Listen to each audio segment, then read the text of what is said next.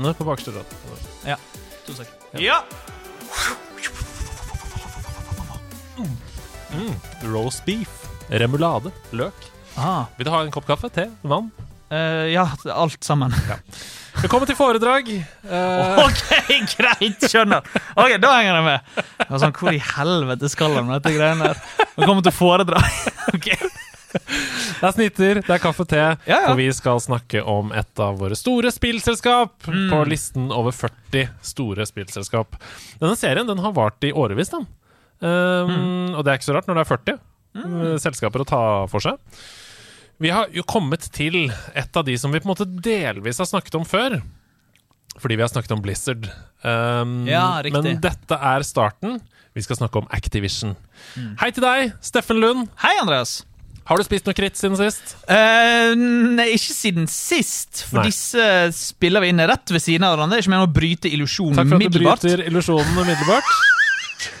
Disse spiller vi inn eh, rett etter hverandre. Det var en liten tissepause, og så var det rett strak av veien inn i Activision-foredraget. Men det kan hende det var kritt på do. Det kan hende det var kritt på do. Det var det ikke. Nei.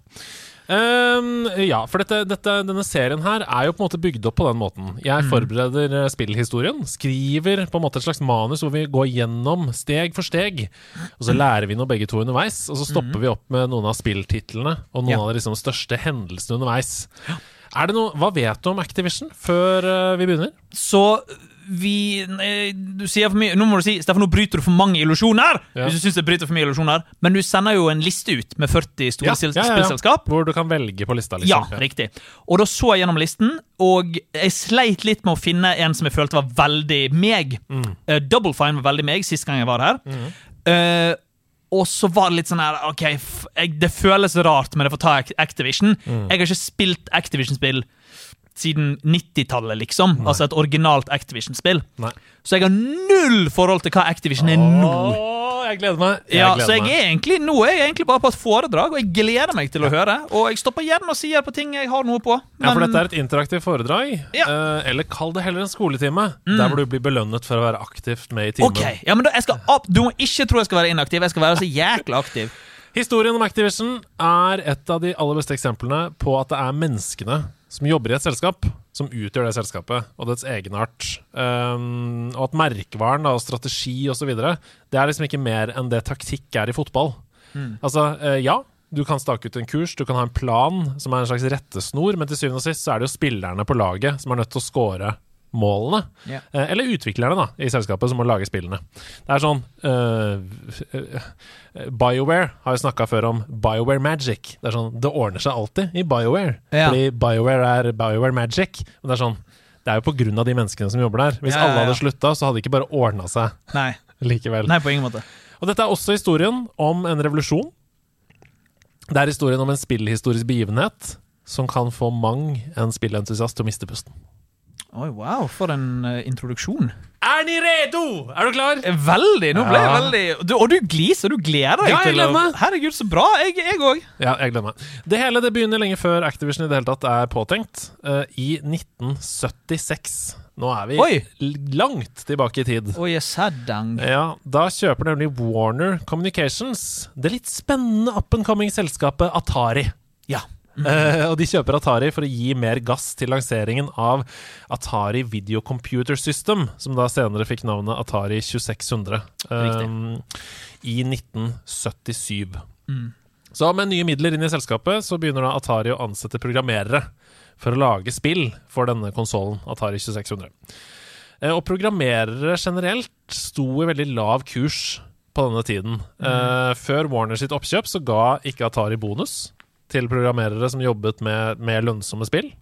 Uh, selv om du jobba med et spill som ble en kjempesuksess, så hadde ikke det noe å si for deg. Nei, riktig. Selskapet var liksom de som tjente på det. Ja, stemmer. stemmer.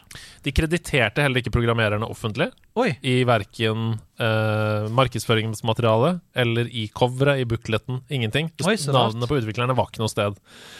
Uh, og dette er veldig, veldig bakvendt tankegang, mm. men den eneste grunnen Åh, jeg blir så Ja. Den eneste grunnen til at de gjorde dette, var for å forhindre at de menneskene som jobba med, med spillet, ble oppdaget av konkurrerende Oi. selskaper og, Wow. og ansatt der isteden. Ha. For dette er tiden før internett, ikke sant? Ja, ja. Man vet jo ikke nødvendigvis Du Nei. må ringe Atari da og si Ja. sånn Hvem er det som jobber med det spillet? Mhm. Det vil jeg ikke si. Nei, det vil jeg ikke si. Du må drive og leite rundt i booklets og manualer for å finne navn på folk. Og de står jo ikke der. Nei, det er litt Fordi det. Atari vil ikke at de skal stå Nei. der, sånn at eh, konkurrerende selskaper skal finne dem. Um, ja. Og når du har sånne uh, non-disclosure agreements og sånn, sånn som du har i USA, da, så kan du heller ikke si Du kan kanskje til og med ikke si hvor du jobber. Til Nei. liksom venner og familie. Og, du kan bare si 'jeg jobber med teknologi'. Det er helt sjukt! Er det sant? Sånn, sånn var det. på De fikk ikke lov til å si at de jobbet på spillene? Nei, altså Noen av dem hadde veldig strenge copyright-avtaler. Ja. Sånn, sånn hemmeligheter, bransjehemmeligheter. Mm. Wow. Så uh, Warner De kjøper altså opp eh, Atari, og den nye ledelsen er ikke noe bedre Nei. enn den gamle. De behandler utviklere som ingeniører i stedet for liksom kreative ansatte eller kunstnere. De er workers, på en måte, da. Sånn som en snekker eller en rørlegger. Sure, yeah. uh, og det fører jo åpenbart til ganske mange konflikter mellom ledelsen og de ansatte. Mm. Uh, etter dette kjøpet så uh, putter de inn en ny administrerende direktør i Atari som heter Ray Casser, eller Kassar, jeg vet ikke hvordan du uttaler det. K-a-s-s-a-r. Ray Kassar. Kasser. Casser. La oss kalle han Casser. Ok. Og han har eh, blitt forpliktet av styret på styremøtet til å holde produksjonskostnadene minimale i Atari. Um, og det er det altså David Crane som har sagt i ettertid i intervjuer. Og nå må du merke deg dette navnet. David, Crane. Ja. Han jobber på dette tidspunktet som programmerer i Atari. Notert. Og da går altså Atari løs på eh, spillproduksjon med den nye kreative strategien tjene mest mulig ved å bruke minst mulig. Riktig. Geniale Nye Ja, ja, ja. kreative eh, strategien. Og med den strategien så sender markedsavdelingen i Atari i 1979 ut et internt notat i selskapet til alle som jobber der. Og det notatet inneholder en liste over de bestselgende spillene som selskapet hadde lagd fra året før. Eh, og eneste grunn til å gjøre det var for at de ansatte skulle se hva er det vi lager som funker, hva er det vi lager som ikke funker. ja. La oss lage mer av det som funker. På en Ja. måte, Den er veldig sånn Ja, Ja. tjene mest mulig. Penger. Ja, ikke sant? Ja. Uh, og ledelsen innser ikke på dette tidspunktet hvor dårlig idé det er å sende ut det interne notatet, fordi Jeg sa det i stad. Mm. Dette er før internett, det er før massekommunikasjon. Eh, all strategi baserer seg egentlig på sånn kvalifisert gjetning, magefølelse og sånn. Ja. Salgstall det var det jo ingen andre i verden enn ledelsen i de ulike selskapene som visste om. Nei, riktig. Så hva tror du skjer da, når programmerer i et spillselskap svart på hvitt ser hvor mye de alene tjener inn Ja. for selskapet sitt? Nei, det blir jo en eh, Det, det blir jo spetakkel, kanskje? Revolution! ja.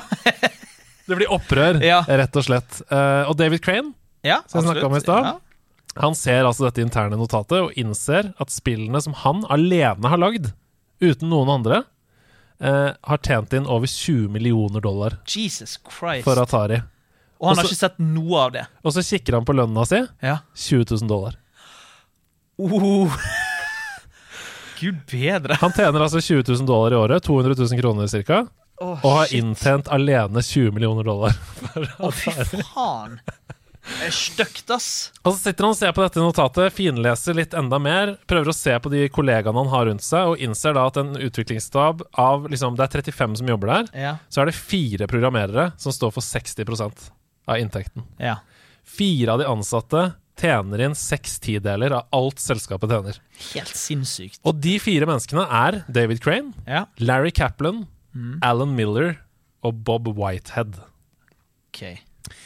Crane sier til de tre Nå går vi og tar en øl, og så snakker vi litt sammen. Mm, ja. uh, vi fire er Atari. Ja, ja, ja. ja. Alle de andre Fuck dem! Ja, ja, ja. ja, ja. tenker han. ja, ja, ja. Og det blir litt sånn, De slår seg på brystet, og uh, programmerere står lavt i kurs. Er det noe vi kan få til her, liksom?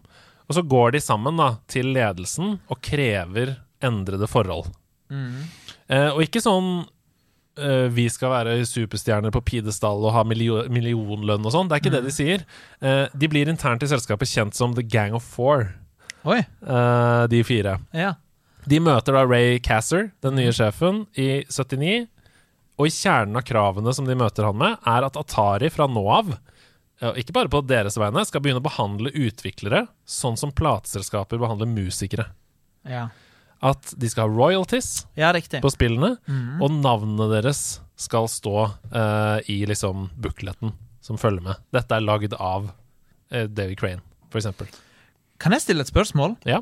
Var dette nytt? Altså liksom, Hadde ingen spillselskap gjort dette før? Ingen.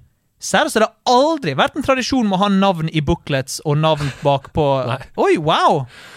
Så dette er liksom The, the Gang of Four krever dette.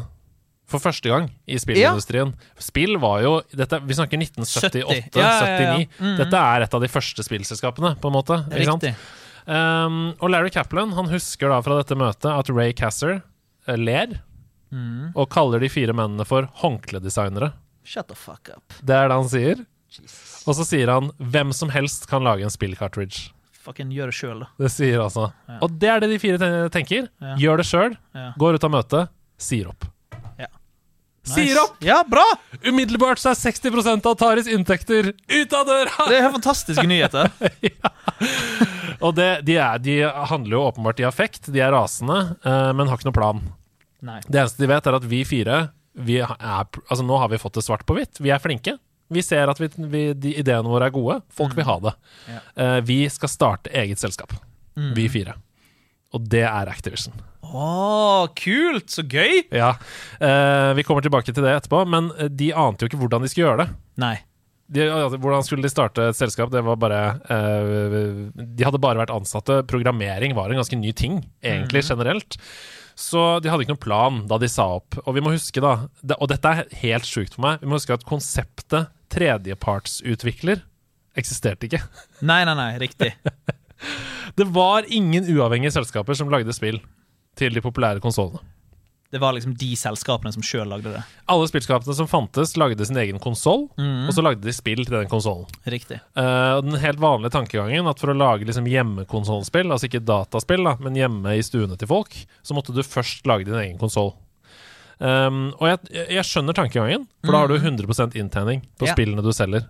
Og alle så på det som en sånn eh, Ja, at de to tingene hang sammen, da, Mm. rett og slett. Um, David Crane, Larry Kaplan, Alan Miller, Bob Whitehead bestemte seg da for å tenke fuck it.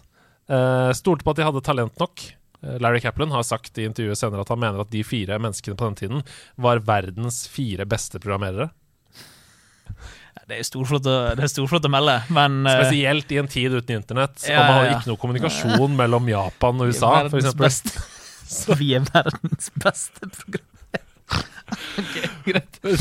Men, men de sier jo også at de er verdensmestere når de vinner Superbowl, eksempel. Ja, ja, ja. ja. Sure, sure, sure. Sure, Absolutt. sure, sure. Ja, ja. Men de skulle uh, slå seg på brystet, tenke dette får vi til, og starte da verdens første uavhengige spillutviklingsselskap. Det er helt utrolig. Er det, ver er det virkelig verdens første? Mm. Wow. De gikk til investoren, da, Jim Levy. Uh, han leder på dette tidspunktet et sånt eh, investeringsselskap som heter Sutter Hill Ventures. Du vet, En gjeng med rike folk som er sånn Ja. På vegne av oss så kan du eh, få behandle du, du får pengene våre, Ja. og så på vegne av oss ta noen valg som gjør at vi blir enda rikere. Det er jo egentlig det Ja. investeringsselskaper er. Ja. Eh, så de fire de pitcher denne ideen til han om selskapet. De viser til hvor de har jobba før, hva de har lagd osv. Og, så og han lytter og er veldig enig i tankegangen. eh, og får da ta med seg dette tilbake til gjengen sin med investorer og få gjennomslag for å investere én million dollar i de fire guttene og deres idé. Riktig. Eh, men det de forsto, da, eh, det selskapet, det var at de fire guttene var helt avhengige av å få lov til å lage spill til Atari for å lykkes. Ok. Eh, det er den eneste konsollen der ute. Det er den eneste konsollen de har jobba med før. Det er det de kan. Så for å få lykkes, så må de få lov til å lage spill Ja. til de som de viste fingeren til. Da må de gjennom han der Kesser-fyren Ja, igjen. ja. Ja, ja, ja. Eh, og, og på grunn av det, så inkluderte, og dette syns jeg er så eh, framme i skoen, de inkluderte eventuelle juridiske kostnader knyttet til potensielle søksmål. Oh. Som en del av den 1 million dollar. Ja. Da får dere så og så mye til utvikling, og så får dere denne summen når dere blir saksøkt. Ja, riktig. ja. Så det er gøy. Um, pengene er på plass, planene er på plass, men navnet mangler. Mm. De sitter der med en investorgruppe og fire hjerner og klør seg i hodet en stund. Mm. Så hadde de blitt egentlig veldig glad i og liksom familiære med arbeidstittelen for selskapet, som de hadde eh, brukt internt når de snakket om ideen. Man har jo ofte en sånn derre eh, Mm. Prosjekt X, liksom. ja, ja. Og det var Computer Arts Incorporated. CA. Ja, Uh, ikke ulikt kanskje Electronic Arts, som kom litt senere. Men. Computer Arts Incorporated. Men så hadde de ikke lyst til å lande helt ennå, hadde lyst til å ha hjernen åpen for flere forslag, så de tok en runde til. Og i den runden så kommer navnet VSync Incorporated opp. Mm. Um, flere liker det, men det er en frykt da, for at publikum ikke skal forstå hva det betyr. Det er sykt da, at flere liker VSync Incorporated. Men i dag så snakker vi liksom om V-sync og G-sync på skjermer og sånn. Jo da, ja ja. Men ja. fortsatt, dette er Dølt, et dølt navn. Dølloline, ja. Ja, ja, Jeg er helt enig. Uh, så de var redd for at publikum ikke skulle forstå hva det betydde, eller ikke Mm. minst vite hvordan de skulle uttale det. Ja, At når du ser det skrevet, så hva er det det står her? Sync, vsy, Ja, ja, ja, ja. Så de forkaster det. Men når du har åpna hjernen da, eh, for, en, for noe annet enn det du hadde originalt, da virker det gamle så kjipt også. Så det er Mhm. Vanskelig å gå tilbake igjen til det. Så de står i stampe her, og, og vi har jo også jobba i sånne kreative prosesser før, og Mhm. du vet at da er det kanskje lurt å få en mening utenfra. Ja. Da er det rett og slett den femte Beatle som stepper opp. ja. Advokaten som fiksa pengene, Ja. eh, investeringsmannen Jim Levy, eh, han kommer fra utsiden med en skruball og sier spill er jo aktiv underholdning på TV. Eh, og i motsetning til å være passiv deltaker når du ser på TV, så er du jo med på det som skjer her. Hva med at vi kombinerer active og television? Mm. Activision. Activision. Og resten er historie. Det er veldig kult. Ja. Mm. Jeg mener at det er et utrolig bra navn, da.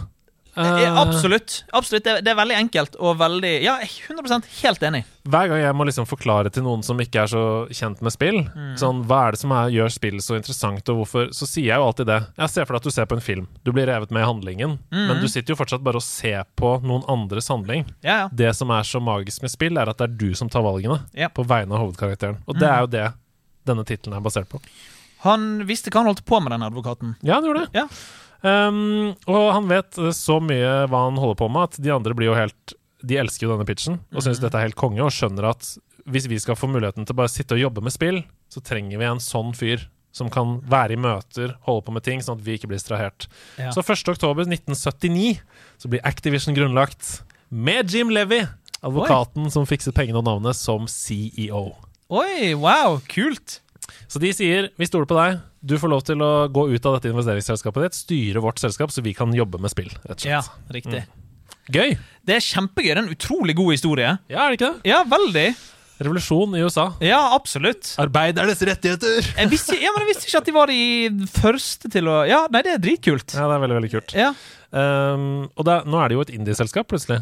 Ja. Etter å ha vært i Atari, liksom. Ja, ja. Uh, og som alle indieselskap så begynner Activision selvfølgelig å jobbe fra David Cranes garasje. ja, så klart. Det må absolutt Det må være en garasje du jobber i. Ja, for er, Alle jobber selvfølgelig ikke fra David Cranes garasje. Alle indieselskap gjør ikke det. Nei. Men at de begynner i en garasje. på Ja. en måte. ja. Og jeg tror alle jobber i David Cranes garasje. Egentlig. Ja, Jeg tror egentlig alle gjør det. I hvert fall alle som er inne i garasjen, jobber når de er der. Hvis du går inn i den garasjen, så skal du faen meg jobbe. Ja. Du skal faen meg lage dataspill i den garasjen. Ja. Ja. Og dette er så utro... Dette blir jeg alltid så glad av når jeg tenker på, fordi dataspill var jo noe helt annet. ikke sant? Mm. Høsten 1979 så utvikler hver av de fire hvert sitt spill. Helt alene. Oi, wow. I denne Ja. garasjen. Mm. Og sånn var jo spill.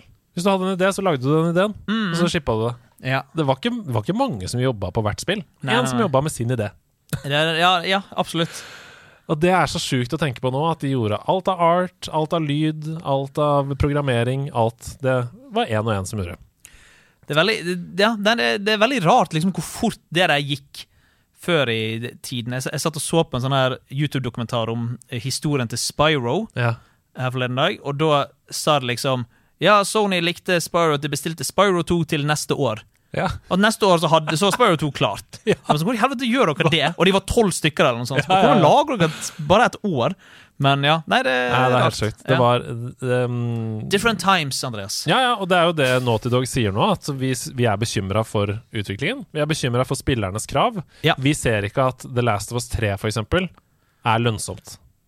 Fordi det er så mange mennesker og så mye jobb for å få det så velpolert og fotorealistisk. og sånn.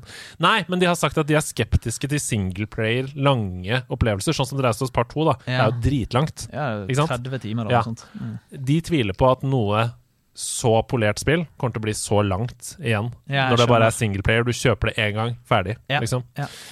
Men ja, øh, de sitter der i den garasjen og utvikler hvert sitt spill. Det skal ut på Atari 2600 i 1980, og her har vi høsten 1979, så de er, planen er klare. Mm. De spillene heter altså Dragster, Fishing Derby, Checkers og Boxing. Og dette har vi også Ja. snakka om før. Spill het bare det de var. Ja, absolutt. Ja. Det er boksespill. ja. Boxing. Boxing. Det er så gøy. Veldig lite oppfinnsomt. Bo, nei, hva heter det? Kinasjakk? Checkers? Eller Checkers, ja. det er vel Det er ikke det, det er um, Åh, backgammon, er det det? Nei, hva er det checkers er igjen? Er ikke det, ja, er ikke det de backgammon, eh, knappene? Jo, jeg tror det er det. Ja. Uansett, øh, de har veldig stor fordel, disse fire. For de har en veldig unik kunnskap om Atari 2600. Åpenbart. De har vært med å lage spill til den i en årrekke. De har helt egne triks for dette systemet, som de ikke nødvendigvis har delt internt i Atari. Og det hjelper dem å lage spill som visuelt ser bedre ut, og skiller seg fra Atari sine egenproduserte spill. Så de beste spillene som kommer til Atari i denne perioden, er fra Activision. De er ikke fra Atari selv. Det, er, det er jo fantastisk. Det er strålende nyheter. Det er strålende Det er, det er utrolig gode nyheter. Og for å skille seg ut enda mer, så er Activisions covere fargerike, og de Mhm. inneholder også et skjermbilde fra selve spillet på baksiden. Eh, og det var Ja. uhørt på den tida her, fordi spill alltid så dårligere ut i virkeligheten Ja. enn det de virket på cover og fantasien din gjorde. Når du så en eh, fyr som skøyt med sånn her. Ja, ja. Space gun på forsiden, og du tenkte Star Wars med en gang, ikke sant? Mm. Så er det sånn her piksel, piksel, piksel inni Absolutt. Ja, ja, ja, absolutt. Eh, I tillegg til dette så hadde de en regel om at i bruksanvisningen for spillet skulle det alltid være minst én side dedikert til å kreditere utvikleren Det er bra. som hadde jobbet med spillet. Eh, Så bilde av den personen, uh, historien til vedkommende, et lite intervju, for Wow. eksempel, i alle spill. Og dette eh, det, det neste er helt fantastisk. I nesten alle Activision sine spill helt fram til 1983 så inkluderte bruksanvisningene instruksjoner for at du som spiller kunne sende selskapet et bilde av din high score, og motta tilbake en patch til å sy på klær og ryggsekk og sånn Er det sant? i retur. Hvis Oi. du gjorde det. Ja. Og det er jo eh, veldig tidlig tegn på at noen har forstått community, ja, det er det. ikke sant? Ja. Eh, som Atari ikke forsto.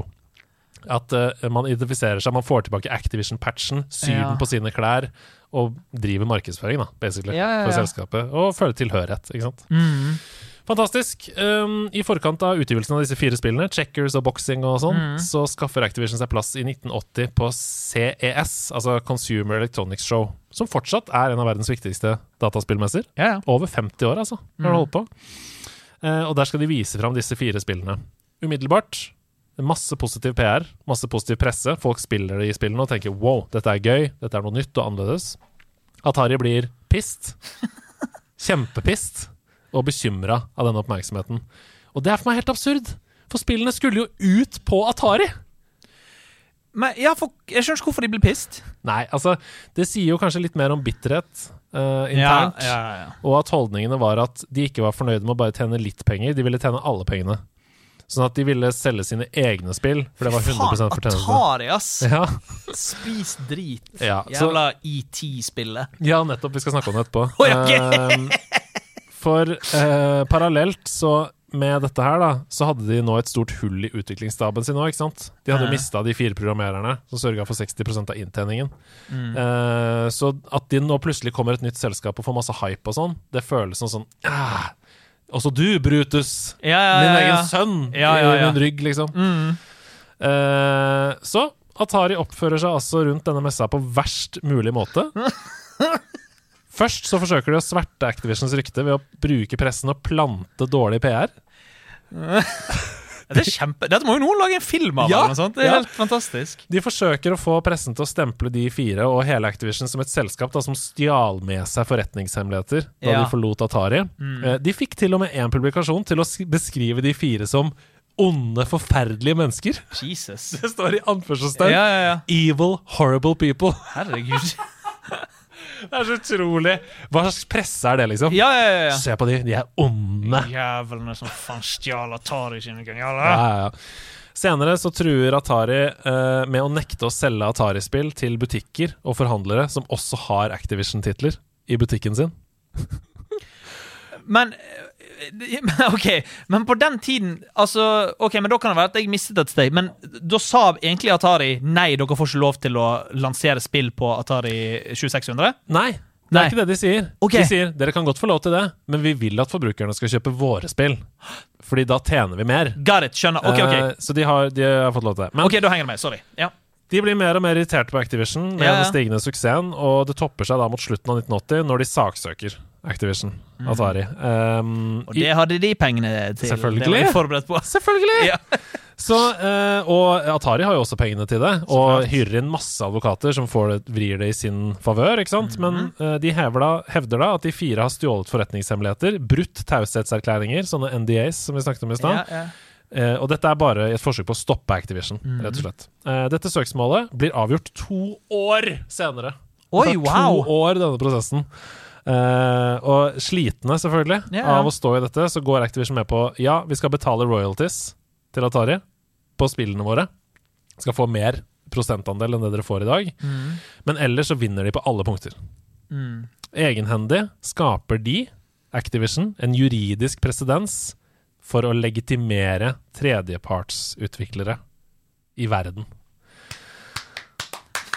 Så alle studioer som kommer etter dem, går i pløyd mark.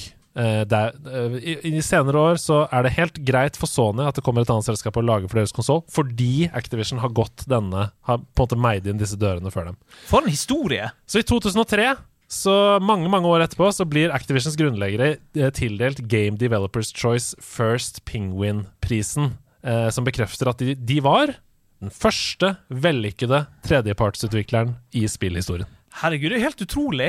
Ja, der står de på scenen. Det er litt som i den The Holiday, når han gamle regissøren må opp på scenen. Ja, han komponisten eh, Ja, ja, ja, ja. hele salen bejubler han. Ja, sånn, altså- sånn øyeblikk var det. Ja, 2003. Eh, 25 år etter, liksom. Wow. Dere var de første. Alle vi som er i salen, har dere å takke for at vi nå har jobb, f.eks. Shit, så sprøtt. Helt, sprø helt sprøtt. Og vi har ikke begynt å snakke om spill engang! Nei, det er det! Etter denne første runden med fire utgivelser, eh, disse checkers og boxing og sånn, så fortsetter hver av The Gang of Four, som vi snakker om, å utvikle hvert sitt eget spill én gang i året. Det kommer ett nytt spill fra hver person hvert år.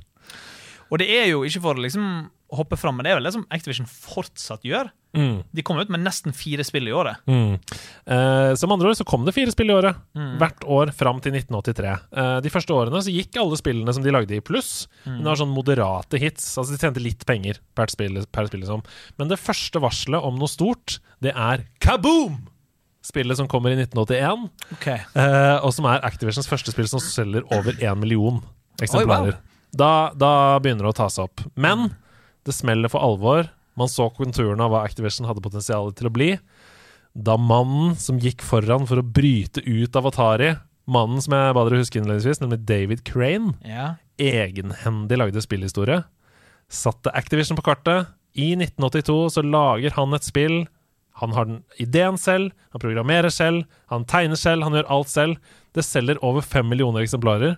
Det skriver seg inn i historiebøkene. Det er Pitfall.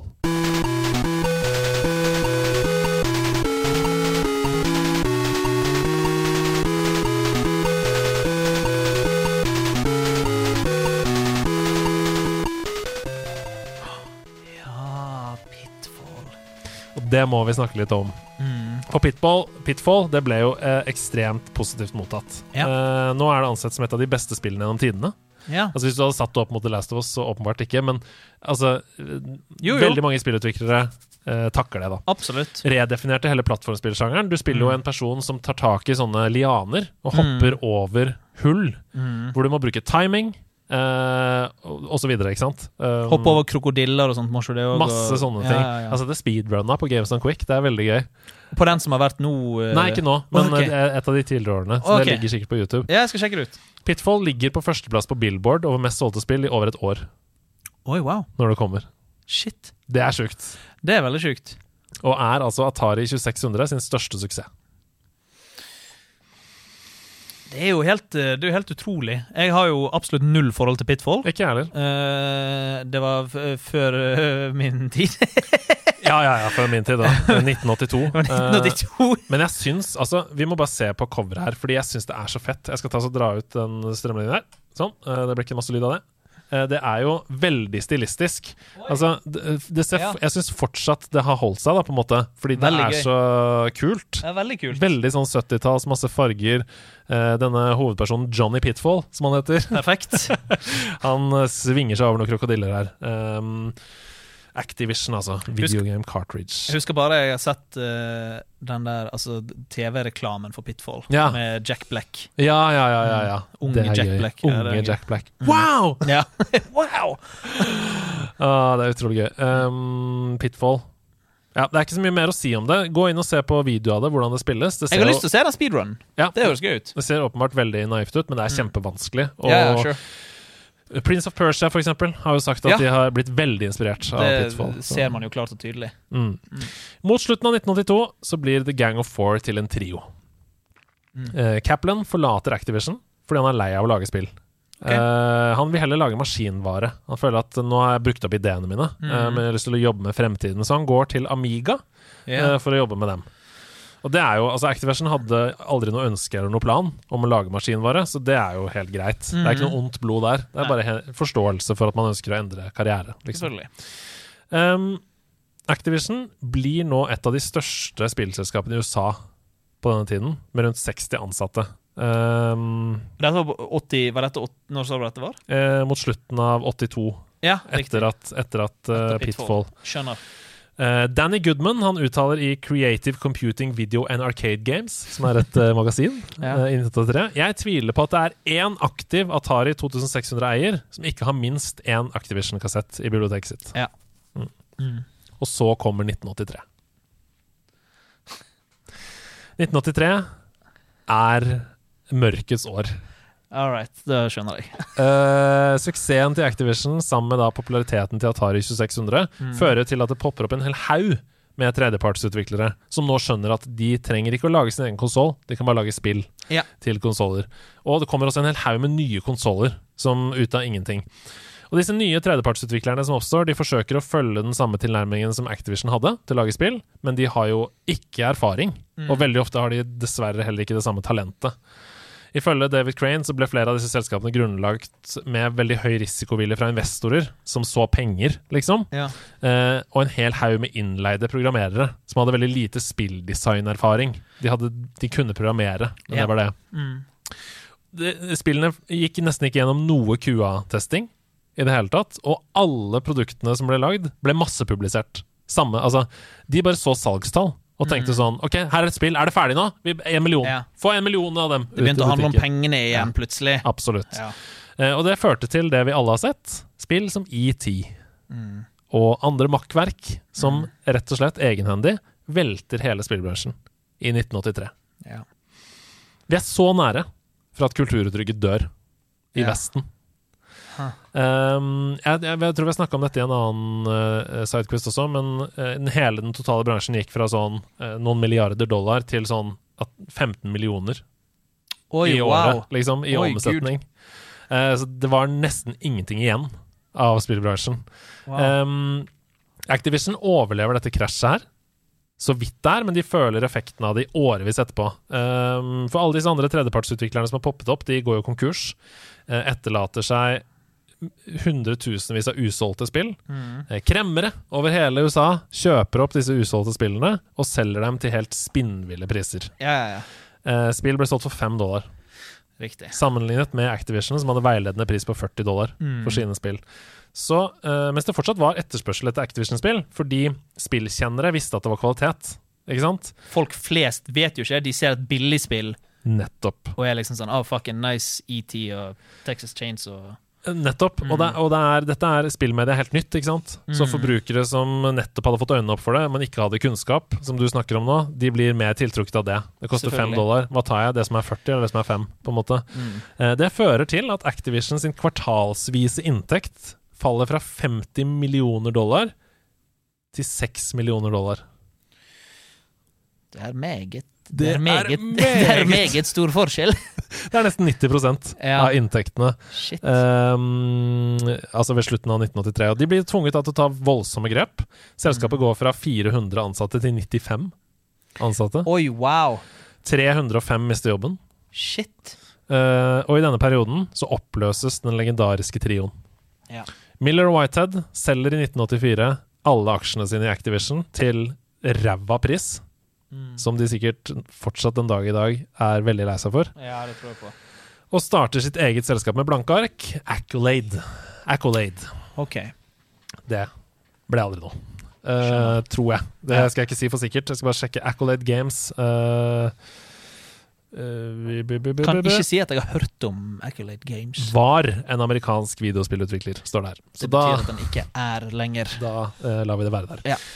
Um, nå er det rett og slett bare mannen som startet det hele, og som lagde Pitfall, David Crane, igjen. Mm. Han sitter der sammen med den entusiastiske og smarte pengemannen Jim Levy. Mm. Nekter å gi seg! Nei. Han er fortsatt, uh, han er fortsatt uh, med, Ja. og forsøker liksom etter beste evne å holde utgiftene i sjakk Mm. um, når det er så lave inntekter. Mm. Og han gjør egentlig en kjempejobb gjennom denne krise her.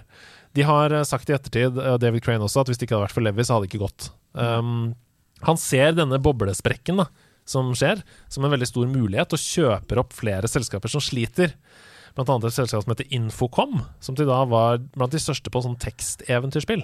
Ja, ok. Eh, som jo er en litt døende kanskje sjanger på denne tiden. Mm. Så er spørsmålet er om det var det lureste kjøpet. Men Ja. poenget var i hvert fall at um, dette var en katalysator. Fordi seks måneder etter dette så bestemmer Activision styret seg for å erstatte Levi, Jim Levy med en ny CEO, som heter Bruce Davis.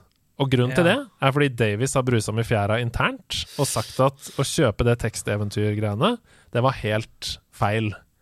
Eh, han forsøker å få på plass et søksmål for å reversere det kjøpet av Infocom. Eh, fordi han mener at um, det er liksom å kaste og brenne penger. da Det er Som å kjøpe Ja. et flyselskap. liksom Du kan ikke tjene penger på det. Mm. Crane blir rasende. Eh, nei, det Jim Levy, mener jeg. Jim blir rasende, Eh, ja. blir rasende av dette. Sier rett og slett det er umulig å jobbe med Davis. Jeg kan ikke jobbe med en CEO som er så imot det jeg står for, Mm. og sier opp. Ja, riktig. Så han sa opp, da. Mm. Uh, og det samme gjør David Crane, Han gjør det, ja! og The Gang of Four er borte. Shit, så han bare tok over han den nye fyren som Mm. kom. Uh, Bruce Davis tar Bruce over. Davis. Huh. Nå er vi i 1988. Jeg ble født. Ja. Eh, Gratulerer. Takk for det. Mm. Uh, og nå holder Activision på med mye rart. Fra 1988 til 1991 så er det rare greier. Ja. Uh, de endrer firmanavn til Mediagenic, Idioter. som skulle være Det skulle være et moderselskap for mange underselskaper. Eh, under Mediagenic så skulle du ha Activision, som skulle lage spill for Nes, for Sega, for Atari, Commodore 64 osv. Ja. Skulle du ha Infocom, som var dette teksteventyrselskapet som de ikke greide å kvitte seg med likevel. Ja, okay. De skulle lage interaktive fiksjonsspill. Det er alt som var brifen. Infocom skulle lage det? Ja. ok. GameStar var et annet selskap. Det skulle spesialisere seg på sportsspill, fotballspill Ja. osv. Og så var det 10.0, som var det siste av disse fire selskapene under Mediagenic. Og de skulle lage forretningsapplikasjonsprogramvare. Oh boy, snork. Revisorprogrammer. Oh boy, where's my bed? Dette her, uh, Mediagenic-greiene, er en ræva idé. ja. Det eneste som skjer, er at det blir masse mellomledere og lite kontroll. Ja, ja, Det ja. er det, det, er det som skjer. ja. I 1989, etter flere år med store store tap, så legger Activision først og fremst ned Infocom Studio, som ikke har fått til noen ting i, i den perioden. Det er gøy, for jeg bare ser for meg Jeg sa de burde lage noen film om dette. For jeg ser for meg alle de karakterene som jobber i de underselskapene i det jævla mediet. er sånn- Infocom! Infocom har lagd tekstbaserte eventyrspill, og så får de ny brief. Nå skal dere lage interaktive fiksjonsspill. Ja, men Hæ? Hva, hva faen dere snakker interaktiv fiksjon? Det skal ikke være noe grafikk, vel? Gunnar! Gunnar, kan du grafikk? Kan noen tegne? Er det noen som vet farger og figurer? Det som er en veldig uh, det, er, det er noen historier som skiller seg ut i denne tiden, som er tragiske, selvfølgelig. Men, Ja, som ja. ikke, men ikke for oss som spillere, men for Activision. Ja. Fordi Activision jobber i denne perioden med en tidligere versjon uh, av et amerikansk fotballspill. Som skulle være utviklet rundt rettighetene til spilleren Joe Montana sitt navn. Uh, og Joe Montana han hadde gått med på det. han uh, Litt som at uh, Air Jordans. ikke sant? Det var det samme greia Utviklingen av spillet er i gang. Teamet rundt Joe Montana De visste ikke om alle de interne problemene som pågikk i Mediagenic. Eh, og visste ikke at spillet var, sto mer eller mindre stille. Så etter hvert så tok da teamet rundt Joe Montana eh, og Sega, som de hadde en avtale med at spillet skulle ut på, eh, de ble tvunget da til å ta liksom koden, det ufullstendige spillet, og med Joe Montana sitt navn, og gå til EA. Oh. Og hva ble det? Det ble Madden. Det er Madden, ja. Ikke sant? hva er det jeg tenkte. Mm. Vondt! Ja. ja. Det må svi bare fordi at de lagde for mange selskap. Altfor mange folk som jobber der. Ja, ja, ja, ja. Nei, Hvis de hadde bare holdt seg til å bare være Activision, så Ja, kan det det godt hende at Madden i dag hadde vært uh, hos Activision Blizzard. Ja. Eh, Bruce Davis, som da tok over etter vår pengemannhelt Jim Levy, uh, han må kunne sies å være en ræva sjef. Uh, historien viser oss at hans ledelse ikke noensinne klarte å produsere et lønnsomt selskap. Dette er helt sjukt, disse tallene her. I 1991 så rapporterer Mediagenic et tap på 26,8 millioner dollar, og omsetning på 28,8 millioner dollar.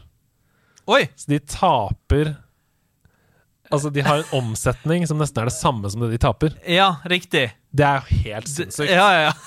Det betyr at du har 100% utgifter. Altså, ja, ja, ja, ja. Det, er, det, er ingen, det, er, det er ikke livets rett, da. Nei, det, Selskapet har over 60 millioner dollar i gjeld eh, Jesus. på den tiden. Et understudio som Activision hadde kontrakt med på den tiden, som heter Cyan, de bryter kontrakten med Activision og går til et annet selskap med det spillet de holder på med å utvikle for publisering. Myst. Ja, riktig. Ja. Et av de viktigste dataspillene på 90-tallet. Ja, ja, ja, eh, absolutt. Som selger millioner. Det, Ja. nok en gang klarte de å fucke opp det, da. Eh, så øh, vår mann får jo åpenbart sparken. Vår ræva sjef. Davies. Og, ja, Nei, ja. og ut av mørket så kommer en ny pengemann som er blitt interessert i denne bransjen etter krasjet i 1983. Eh. Han er en investorguru på mange lepper som heter Bobby Kotick. Å, Bobby Kotick! Der har vi Kotick. har vi Koticken? Der har vi Koticken, vet du. Ja, ja. Han- Ja, ja, ja. Han hadde veldig lenge jobba for å kjøpe Commodore International. eh, fordi han hadde lyst til å få tilgang til Commodore Amiga-serien. Ja. Men etter å ha blitt mislykket i å fullføre dette kjøpet, her, han fikk det ikke til, så kjøpte han isteden et selskap som lisensierte Nintendo-karakterer eh, til bruk rundt omkring. Og fikk da kontakt med Nintendo. Eh, og gjennom Nintendo så blir Bobby Kotick henvist til det sviktende selskapet Mediagenic. Um, og det virka egentlig ganske forlokkende for Bobby. Han er jo en investor, han prøver å se etter oppsider og nedsider i et selskap, og det han ser i Mediagenic, det er masse staffasje, masse unødvendige ting, masse folk som ikke gjør en dritt, som står i veien for diamanten Ja. inni der. Ja. Activision. ja. Ja. Det er jo helt sprøtt at eh, Nå skal ikke jeg eh, Men altså, jeg vet at de overlever. Men det er sprøtt at Activision overlever alt dette dritet Det er helt sykt. Ja, er helt og også at på en måte mannen som har fått skylda for å ødelegge Blizzard, er den som på en måte redder Ja, Activision. det er det. Eh, for han har jo da et håp da om å gjenopprette Activision til disse pitfall-tidene. Kjøper sammen med flere investorer hele Mediagenic for en halv million. 500 000 dollar Å, fy faen. i 1991. For et kjøp! Det, For et kjøp! ja, det er sykt. Det er liksom sånn, Da kan du tenke hvor mye han har tjent. Ja, eh, ja, ja, ja. etter- Hva, hvor mange milliarder er det verdsatt til nå, liksom? Kotek blir administrerende direktør, gjør flere umiddelbare endringer, sier opp alle i selskapet, Ja. bortsett fra åtte. Så de går fra 150 ansatte til 8 Wow. på dagen. Mm. Han utfører en fullstendig restrukturering, eh, en konkursrestruktureringsplan, og flytter hele selskapet til LA. Uh, han fikk da også Det første han gjør, er å få selskapet til å gi ut flere av sine tidligere konsolltitler, Infocom-titler, på nytt i collections Ja. til PC. Ja. Uh, veldig, veldig lurt. Ja, ja, ja. Tidlig remaster. Tidlig remaster. Jeg tenkte på det. eller i hvert fall sånn col eh, collection. da Ja, ja, ja. Han skroter hele Mediagenic i 1992, gjeninnfører Activision-navnet, sier det er dette som er selskapet vårt, Mhm. uh, og han gir investorene ett løfte. Med meg som sjef så kommer jeg til å gi dere fire år med 50% vekst i inntekter hvert år. Og samtidig gå i null. Ja. Så vi skal vokse 50% i inntekt, og vi skal ikke tjene penger, men vi skal gå i null hvert år. Ja. 1995 så kunne han stå og bekrefte at han fikk det til. Fire Aha. neste årene øker selskapets inntekter med 50% hvert år, og går i null. Wow. Eh, og Derfor så setter han seg et nytt mål, og det er å gjøre selskapet lønnsomt innen 1997. Ja. Så han har to år på seg til at det går i pluss på bunnlinja. ja. Fakerten han jobber på, da. Han jobber på! Ja. Han er ung, vet du. Fortsatt. Fortsatt Eh, ung og ikke, kanskje ikke gjort så mye kjipe ting ennå. Det er helt riktig. ja. uh, I denne perioden så jobber Activision med en FPS-serie som heter Mech Warrior. Vet ikke om du har hørt okay. om det? Jeg hadde, ikke, jeg hadde ikke hørt om det før denne um, Det høres veldig generisk og dølt ut. Ja, Veldig det. klassisk Activision. Men på denne tiden så er jo spillet med det litt generisk og dølt. Det er også. sant. Det er godt poeng. Uh, hele MacWarrior-spillserien står til slutt for mer enn 70 millioner dollar i salg. Oi! Uh, men Bobby Kotick skjønner at de kan ikke leve på det. De kan ikke leve på egne utviklere.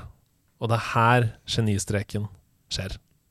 Ja. For de tar altså midlene som de tjener på Mac Warrior og andre vellykkede spill, og begynner å kjøpe opp andre studioer.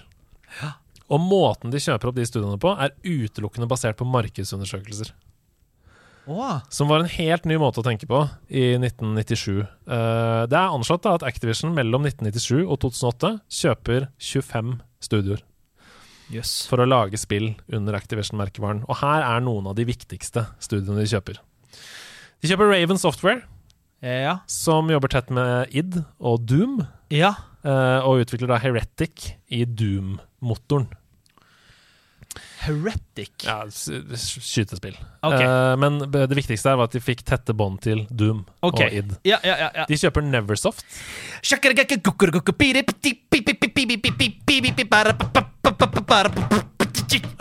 Helt riktig. De får dem da til å jobbe med en prototype for et skateboardspill som ender opp med å bli Tony Hawk Pro Skater. X firkant, baby. Kickflip. Let's go! Let's go! Hold inn X, slipp X. Firkant. Hold inn X, slipp X, firkant. Beklager, Andreas. Du har helt rett. For å ta sats! Ja, så klart. Eh, etter åtte år så har den serien da innbrakt 1,6 milliarder dollar til Activision. Ja. Det var jo Det var jo det var jo gøy. Det var gøy. Tony Hawk, det har du forhold til, eller? Ja, ja, ja. Jeg elsker Tony Hawk. Ja. Ja, det gjør jeg. Eh, det virker som du skal gjennom veldig mye, så jeg trenger ikke å snakke så mye om mellom hver ting, men uh, veldig glad i Tony Hawk. Uh, all all min kom fra Tony Hawk da jeg var Mm. liten. Um, elsker bonuskarakteren du låste opp etter hvert. Marvel-karakteren og Ja, de type greiene der. Hvilket av dem hadde du et sterkest forhold til? Husker du det? Ja, det, det sterkeste forholdet kom liksom seinere med Tony Hawk Pro Skater 4, egentlig. Ja, For Til- meg var det tre. Til PlayStation 2. Ja, 3 er også veldig bra. Mm. Uh, men jeg spilte selvfølgelig Tony Hawk 1, 2 og 3, men Ja. 4 var den der Det var noe med tiden det kom Mm, ut òg. Og ja, nei, jeg elsket uh, Er du 1990? 94. Ja, ikke sant. Ja. Uh, fordi jeg er jo 88, og Mm. da Tony Hawk 3 er nok mer i nøyaktig den fasen Yes, av livet, liksom. Mm. Uh, men ja, jeg spilte også 1 og 2, men 3 var min uh, grail. Ja, ja, ja. Activision kjøper også Infinity Ward i denne perioden. Mm. Eh, et studio som de kjøper for 5 millioner dollar. Den første tittelen deres kalles Call of Duty. Og kommer, kommer litt etterpå deg, da. ja okay. De har eh, solgt mer enn 250 millioner eksemplarer. Mer enn 12 milliarder dollar i inntekter fra Call of Duty. Hvor mye var Tony Hawk-milliarder inntekt? 1,6. Ha, ja. Ti ganger så mye. Ja. I, Ja, det er mye. Mm, det er mye. Det har eh, forhold til Call of Duty? Og på ingen måte. Nei. Jeg har nesten null forhold til eh, FPS-shooters. Ja. Det er ikke min sjanger. Nei, for meg bare hos venner uh, i multiplayer. Ja, Eh, jeg òg. Og da var det liksom sånn Det var fordi det de hadde. Nettopp. Det var ikke noe av det interesse av å ha sjøl. Treyarch kjøper de i denne tiden. Ja, Hjelper til med Call of Duty, ja. Det sies, det stemmer. Men de lager også eh, Marvel Spiderman. Å, gjør de det?! Eh, offisielt med lisens. Altså 2002, altså film Mm, basert mm, på filmen? Uh, er vel det de lager, tror jeg. Ja. Eh, det står i hvert fall her at de fikk i oppgave å utvikle titler ved å bruke lisensen til Marvel Spiderman. Det er det som jeg har skrevet i manus. Okay, okay, Så skjønner. eh, skal ikke ta det for god fisk, men de Nei. har i hvert fall noe der. Mm. Um, Grey Matter Studios Her har vi da Return to Castle Wolfenstein. Red Octane kjøper de. Det er Guitar Hero. Altså, herregud. Nå sitter du altså på Call of Duty, Guitar Hero og Tony Hawk. Det er utrolig. To milliarder dollar fra Guitar Hero-serien. Ja, riktig. Mm.